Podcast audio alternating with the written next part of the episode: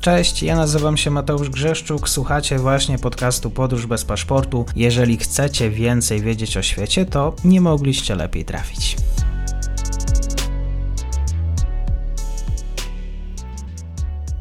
Dzień dobry wszystkim słuchaczom. Mam dzisiaj wielką przyjemność gościć po raz pierwszy na tym kanale pana profesora Krzysztofa Federowicza, Uniwersytet imienia Adama Mickiewicza w Poznaniu. Dzień dobry panie profesorze. Dzień dobry, witam serdecznie państwa.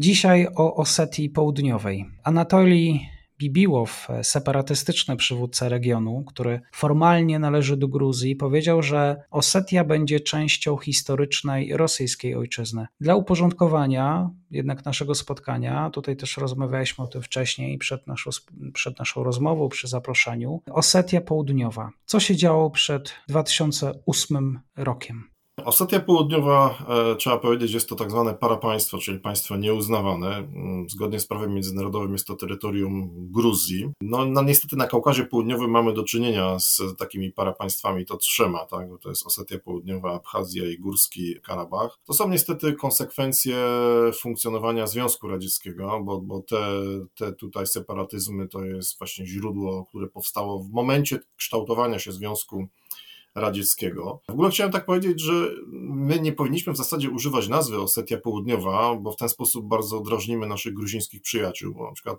proszę pamiętać, że będąc w Gruzji, e, raczej nie mówimy Osetia Południowa, ponieważ Gruzini nie uznają czegoś takiego. Dla nich nie ma Osetii Południowej.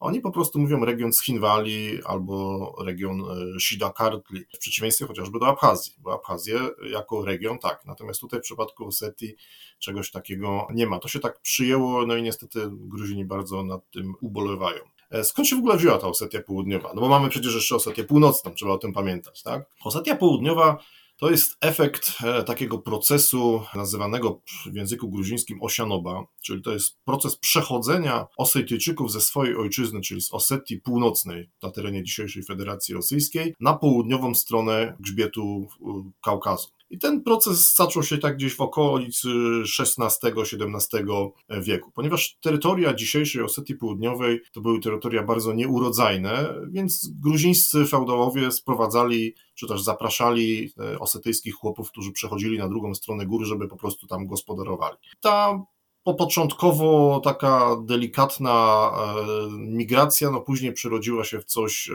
większego, ale cały czas to była Gruzja, cały czas Osetyjczycy jakby no, nie, nie czuli się u siebie. Bo trzeba pamiętać, że na Kaukazie najważniejszą rzeczą jest kto jest pierwszy na tej ziemi, kto jest jakby jej właścicielem. I Osetyjczycy tutaj właśnie w Osetii Południowej nie są traktowani jako rdzenni mieszkańcy. To nie tylko Gruzini to uważają, ale też inne, inne narody. W przeciwieństwie chociażby do Abchazów. Abchazi są uważani za rdzennych mieszkańców swojego kraju. W przypadku Osetyjczyków nie. Problem się zaczął robić w momencie, kiedy zaczął się kształtować Związek Radziecki. Sowieci, chcąc przełamać opór Gruzinów, którzy nie bardzo kwapili się do budowy nowego socjalistycznego państwa, e, zaczęli wspierać właśnie takie lokalne separatyzmy, obiecując im w przyszłości duże profity, zarówno Abchazów, jak i Osetyjczyków. No, w zamian za poparcie bolszewików tutaj twierdzono, czy, czy, czy zapewniano ich, że w przyszłości będą republiką. No tak się nie stało, ale w 1922 roku na terenie tej dzisiejszej Osetii został powołany do życia południowo-osetyjski obwód autonomiczny w ramach Gruzińskiej Socjalistycznej Republiki Radzieckiej. I ten obwód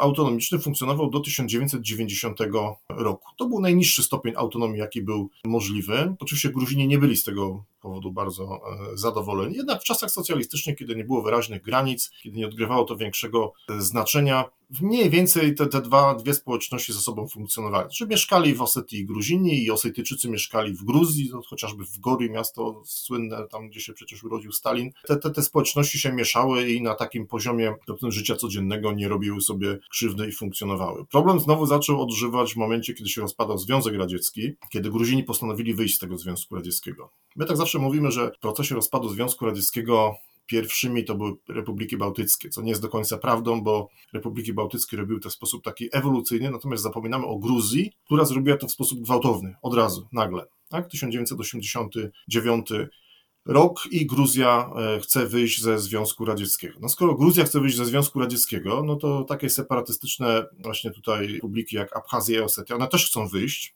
ale nie ze Związku Radzieckiego, tylko z Gruzji. No i zaczyna się problem, tak? Gruzini nie pozwalają, czy jakby no nie zezwalają Abchazom, czy Osetyjczykom na opuszczenie e, Gruzji, no a z kolei Osetyjczycy i Abchadzi mówią, a dlaczego? Przecież mamy takie samo prawo jak Gruzini, skoro wy występujecie ze Związku Radzieckiego, to my występujemy z Gruzji. Tutaj w przypadku Osetii w latach 90-92 mieliśmy konflikt zbrojny, który zakończył się właśnie tym, że ta e, republika usamodzielniła się, tak w cudzysłowie oczywiście można powiedzieć usamodzielniła się, bo tutaj oczywiście była duża inspiracja ze strony Rosji i funkcjonuje od tego czasu jako tak zwane właśnie parapaństwo. No jest to bardzo duży problem dla, dla Gruzji, bo zarówno Osetia, jak i Abchazja razem łącznie wzięte to jest około 20% terytorium Gruzji.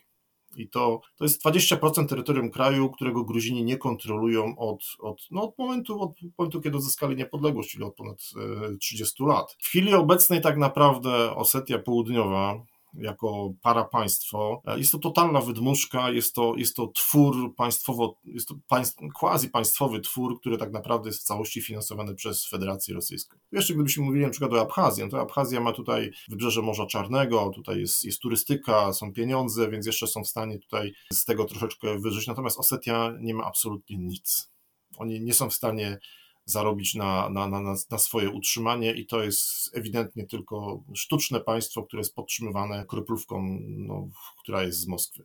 Czyli żadnych zakładów pracy, żadnych perspektyw ekonomicznych, y, tylko kroplówka. To znaczy, zakłady pracy są oczywiście, ale, ale e, proszę sobie uzmysłowić, że w momencie rozpadu Związku Radzieckiego w Osetii Południowej mieszkało około 98 tysięcy osób. Natomiast w chwili obecnej, znaczy ja tu mam dane tak na 2019 rok, wtedy był ostatni spis e, w Osetii Południowej, to według tych bardzo optymistycznych danych w Osetii Południowej mieszka nie więcej niż 55 tysięcy osób, w całym parapaństwie, a w samej stolicy z tych 55 mieszka 30 tysięcy osób. No to, to, to, to jest nie, niewielkie miasteczko w Polsce i to jest społeczność całego parapaństwa. Mamy jedno duże miasto Cchinwali, które jest połączone tunelem Roki z Federacją Rosyjską, konkretnie z Osetią e, Południową. I nie jest to kraj, w którym młody człowiek ma jakieś perspektywy, znaczy on ma perspektywy, tak, ale po drugiej stronie, w Federacji Rosyjskiej, tak. Większość młodych ludzi po prostu wyjeżdża. No, jedyną możliwością zrobienia jak, jakiejkolwiek kariery, no to jest praca w administracji publicznej, jeżeli ma się znajomości lub we wojsku. Innej możliwości nie ma. Nawet nie ma, nawet nie ma tego, nawet nie ma możliwości zarobienia pieniędzy na, na, na, na jakimś przemycie, na, na handlu, to, to co funkcjonowało do w zasadzie 2004 roku, bo, bo trzeba powiedzieć, że do 2004 roku, do rewolucji róż Saakaszwilego, mimo takiego specyficznego statusu właśnie para państwa, w okolicach Cchinwali, takiej wiosce Erngetty, był bardzo wielki, chyba największy w całej Gruzji bazar, na którym handlowali wspólnie Gruzini i Osetyjczycy. I, i, I to była taka wielka czarna dziura, gdzie można było wszystko kupić, wszystko sprzedać bez podatku i bez akcyzy i byli z tego wszyscy zadowoleni, i Gruzini, i Osetyjczycy. I, i, I, to było jedno z głównych źródeł dochodu tego państwa, czyli właśnie takie nielegalne interesy, przemyt. To się skończyło w momencie, kiedy władzę objął w Gruzji Michel Saakaszwili, który no, stwierdził, że tutaj koniec, rozwiązał ten bazar no i rozpoczął działania zmierzające do reintegracji terytorialnej Gruzji, czyli do odzyskania wszystkich tych terenów zajmowanych przez te separatystyczne regiony.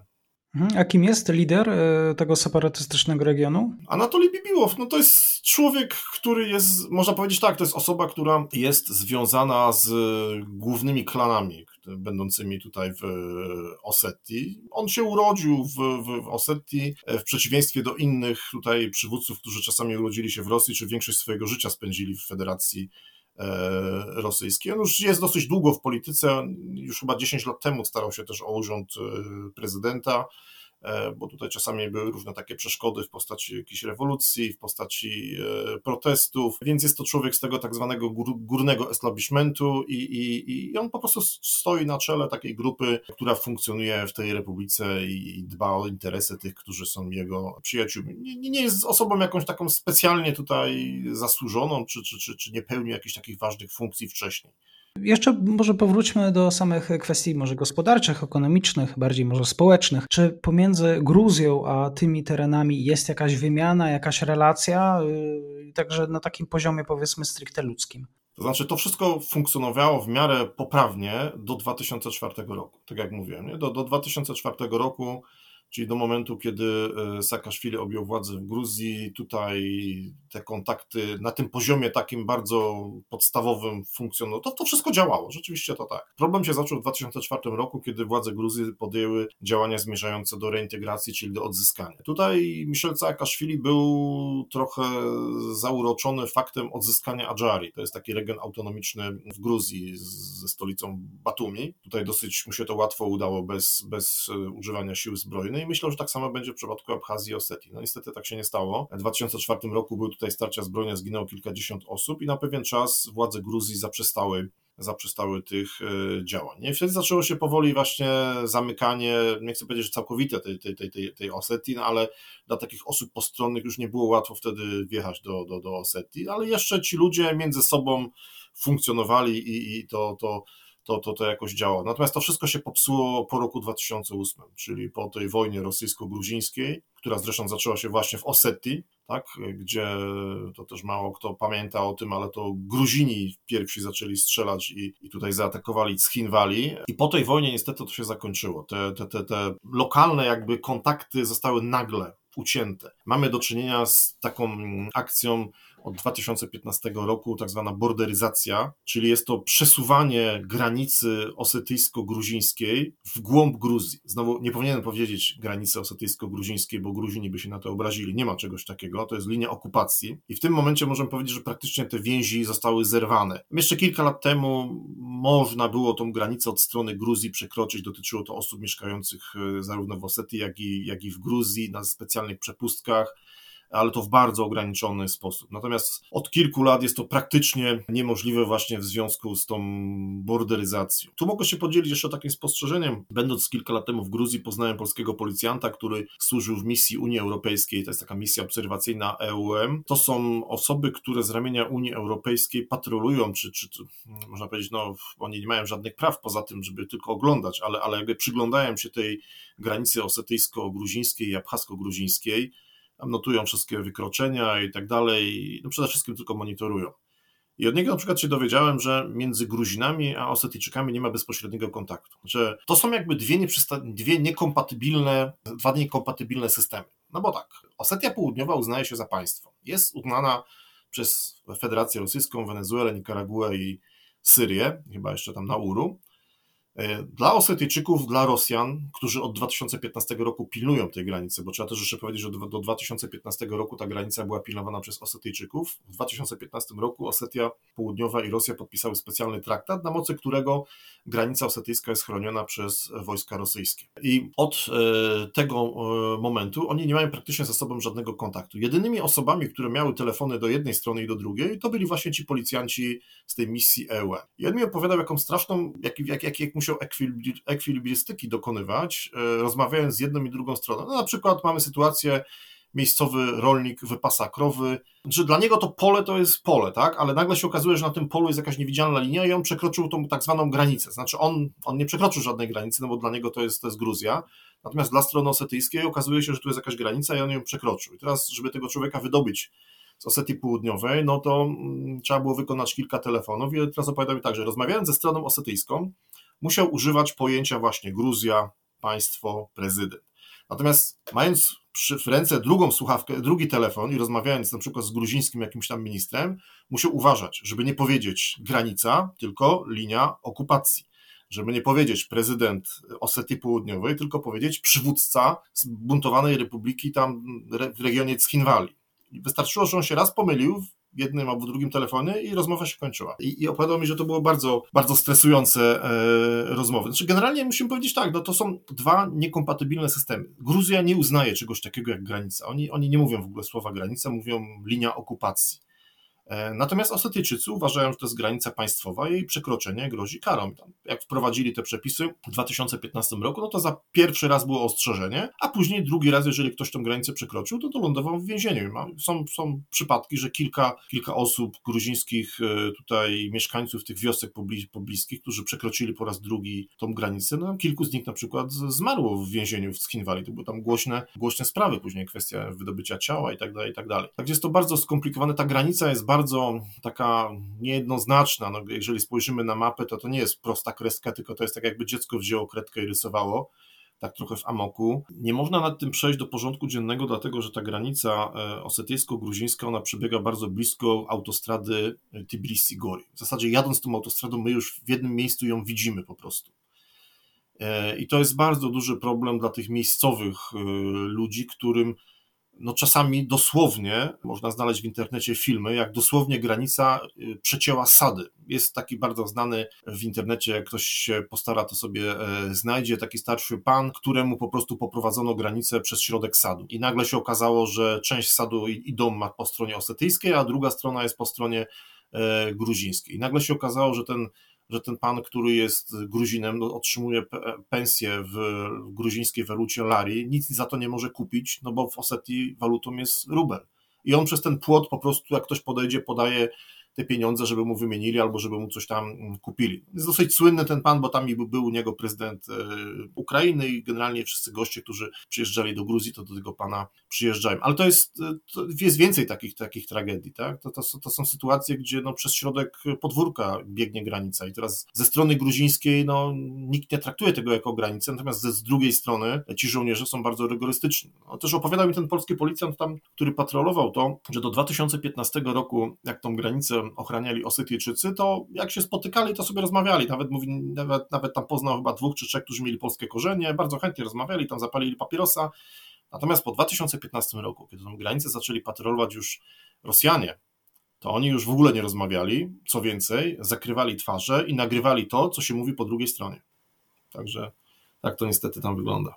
Panie profesorze, no i właśnie, mamy teraz deklarację Wierzę, że zjednoczenie z Rosją jest naszym celem strategicznym, że to jest nasza droga, aspiracja mieszkańców. W kontekście tego, co się dzieje również e, na Ukrainie, to jest kolejna próba w pewien sposób destabilizacji e, Kaukazu. Jak odczytuje to pan profesor? To jest bardzo ciekawe, bo ja powiem tak, to nie jest pierwsza próba i prośba Osetii Południowej o włączenie do Federacji Rosyjskiej, bo pierwszy raz oni już się zwrócili do Rosji w 1992 roku o przyłączenie do Federacji Rosyjskiej. Nawet zorganizowali referendum. Nawet to referendum 99% biorących w nich udział opowiedziało się za przyłączeniem do Federacji Rosyjskiej. W 2008 roku przecież Rosja uznała niepodległość Osetii Południowej. Później jeszcze kilkukrotnie zwracano się do władz Federacji Rosyjskiej z prośbą o przyłączenie. Czasami te prośby pozostawały bez echa, by Rosja w ogóle tutaj nie odpowiadała. A czasami Rosja odpowiadała w ten sposób, że przecież my jesteśmy niepodległymi państwami, mamy między sobą stosunki dyplomatyczne, wzajemne ambasady i, i to starczy. Nie jest potrzebne przyłączanie Osetii południowej do północnej.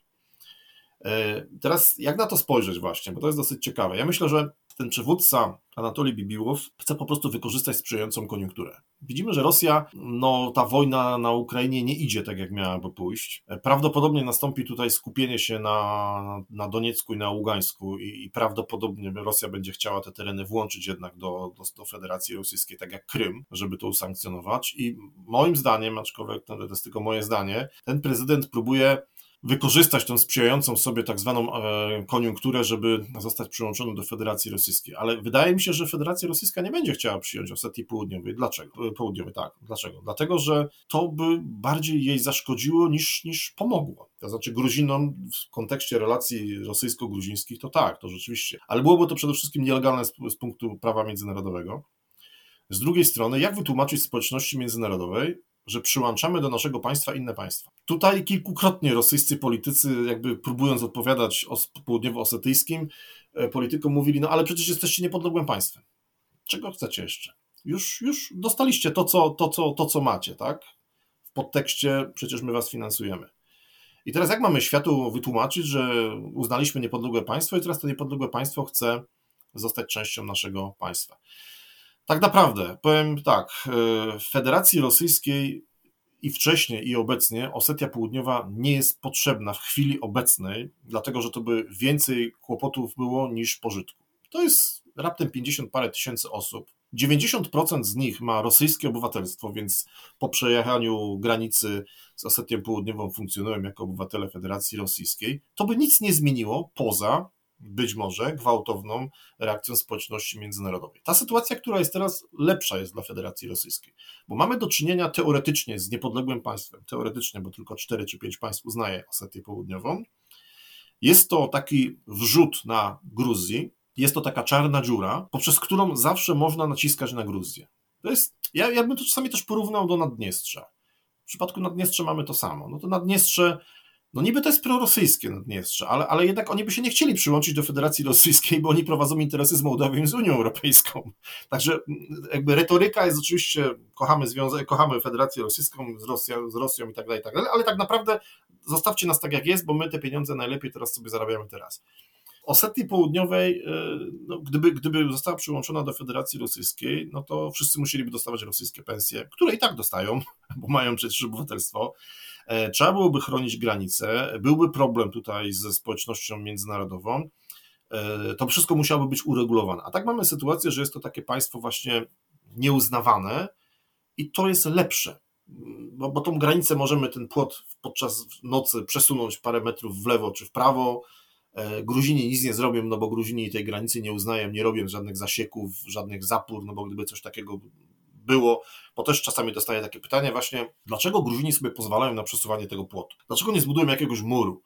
No odpowiedź jest prosta, bo Gruzini nie uznają tej granicy, dla nich nie ma, bo gdyby postawili mur, płot, no to tamta strona powiedziała, aha, czyli uznajecie nas, dobrze, o to właśnie nam chodziło, tak? Mieliście zbudować ten płot, mieliście zbudować ten mur, Czyli proszę, Gruzja też uznaje Osetię Południową jako państwo. Gruzini mówią, nie, nie uznajemy. Ten płot przesuwacie, dla nas on nie ma większego znaczenia. Uważam, że chociaż to równie może być, ale uważam, że Federacja Rosyjska raczej nie zgodzi się na przyłączenie Osetii Południowej. Aczkolwiek w dzisiejszej sytuacji no to wszystko jest możliwe, bo to byłoby dla niej w zasadzie niepotrzebne. Myślę, że ta sytuacja, która jest w chwili obecnej zarówno z Abchazją, jak i z Osetią jest dla Rosji po prostu wygodniejsza. Mówi się o zgniłym jaju. Osetia mogła być takim zgniłym jajem. Znaczy ona, nie, nie że może, ona już jest, to już jest.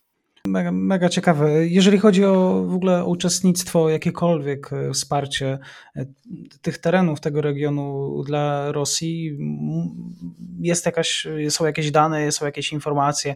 Pytam też, bo podobno Rosjanie mieli uciekać właśnie w tę stronę, jeżeli chodzi o rezygnację w ogóle do udziału w walki, na ile to jest wiarygodne. To znaczy są, pojawiły się informacje medialne o tym, bo to tak, możemy powiedzieć, że na pewno e, z Osetii Południowej i z Abchazji zostały wysłane rosyjskie oddziały i ochotnicy. Ochotnicy to z Abchazji. To wiem na pewno, że ochotnicy z Abchazji walczą po stronie rosyjskiej na Ukrainie. Natomiast z Osetii Południowej zostało zabrane chyba kilka batalionów żołnierzy, to są zarówno i Rosjanie, jak i miejscowi. I słyszałem, że ci żołnierze uciekli. E, z powrotem wrócili do Osetii. Nawet widziałem, że prezydent wydał odezwę, że ci, co uciekli, żeby ich nie osądzać, bo mają być może swoje powody, że no wrócili, bo, bo, bo, bo mają na utrzymaniu rodziny. Czyli jest to takie trochę zachowawcze. Dlaczego oni uciekli, to też jest dobre, dobre, dobre, dobre pytanie. Ta Osetia Południowa nie, przez, nie przedstawia żadnej wartości takiej gospodarczej. To, to, to, jest, to jest region, który trzeba dotować cały czas. No i a, a, Rosja no nie ma tych pieniędzy tam jednak za dużo, bo jednak teraz pieniądze są potrzebne na coś innego. Więc ja nie sądzę, żeby oni byli skłonni przyłączyć sobie kolejne, kolejny kawałeczek ziemi, który raczej sprawiałby im problem. No, jedyną rzeczą, dla której można by było przyłączyć tą Osetię Południową do Federacji Rosyjskiej, to są kwestie strategiczne. Czyli to jest kwestia taka, że no może powiedzmy naszym słuchaczom, jeżeli ktoś na przykład jest w Tbilisi, czy będzie w Tbilisi i na, w centrum będzie sobie siedział w kawiarnianym ogródku i będzie sobie pił piwo, to niech ma świadomość, że 35 km od niego jest rosyjska baza wojskowa. Właśnie w Osetii Południowej. Tego na przykład wiele osób nie ma tego świadomości. Ja zawsze wszystkim znajomym mówię, słuchajcie, jesteście w Tbilisi, pamiętajcie, 35 km od was są Rosjanie, bo to jest najdalej wysunięta, e, tam oni są w stanie przyjechać w 20 minut autem. I z tego punktu widzenia, takiego militarnego, e, byłoby to korzystne, ale nie wydaje mi się, żeby Rosja w tej chwili na coś takiego poszła, bo przecież Rosja nie może otwierać sobie wielu frontów. Już ma jeden front ukraiński, i tutaj nie bardzo to idzie tak, jak, tak jakby szło. I teraz otwierać sobie nowy front, tutaj ten gruziński. No przecież gdyby Gruzja została zaatakowana, gdyby tu były jakieś problemy, no to Zachód też by raczej wspierał tą Gruzję, a nie, nie, nie zostawił tak jak, tak jak kiedyś. Więc ja z tego punktu widzenia nie wydaje mi się to celowe. Aczkolwiek no, nie możemy wykluczyć, że Rosja zrobi to propagandowo na zasadzie takiej, tak, zwrócili się do nas, przyłączamy. Z tym, że już kilka razy Ocetyjczycy zwracali się z tą prośbą i te prośby nie zostały wysłuchane. Dzisiaj też e, o tej propozycji, propozycji Osetii w kontekście Rosjan o przyłączenie terytorium do Federacji Rosyjskiej, również i e, wątek historyczny. Pan profesor Krzysztof Fedorowicz, Uniwersytet imienia Adama Mickiewicza w Poznaniu. Bardzo dziękuję za wiedzę i mam nadzieję do usłyszenia. Dziękuję również, do usłyszenia. I to już koniec na dzisiaj. Zapraszam na profil podcastu Podróż bez paszportu na Facebooku, Instagramie i Twitterze. Zachęcam też do wsparcia mojej pracy na serwisie Patronite oraz Buy Coffee. Do usłyszenia.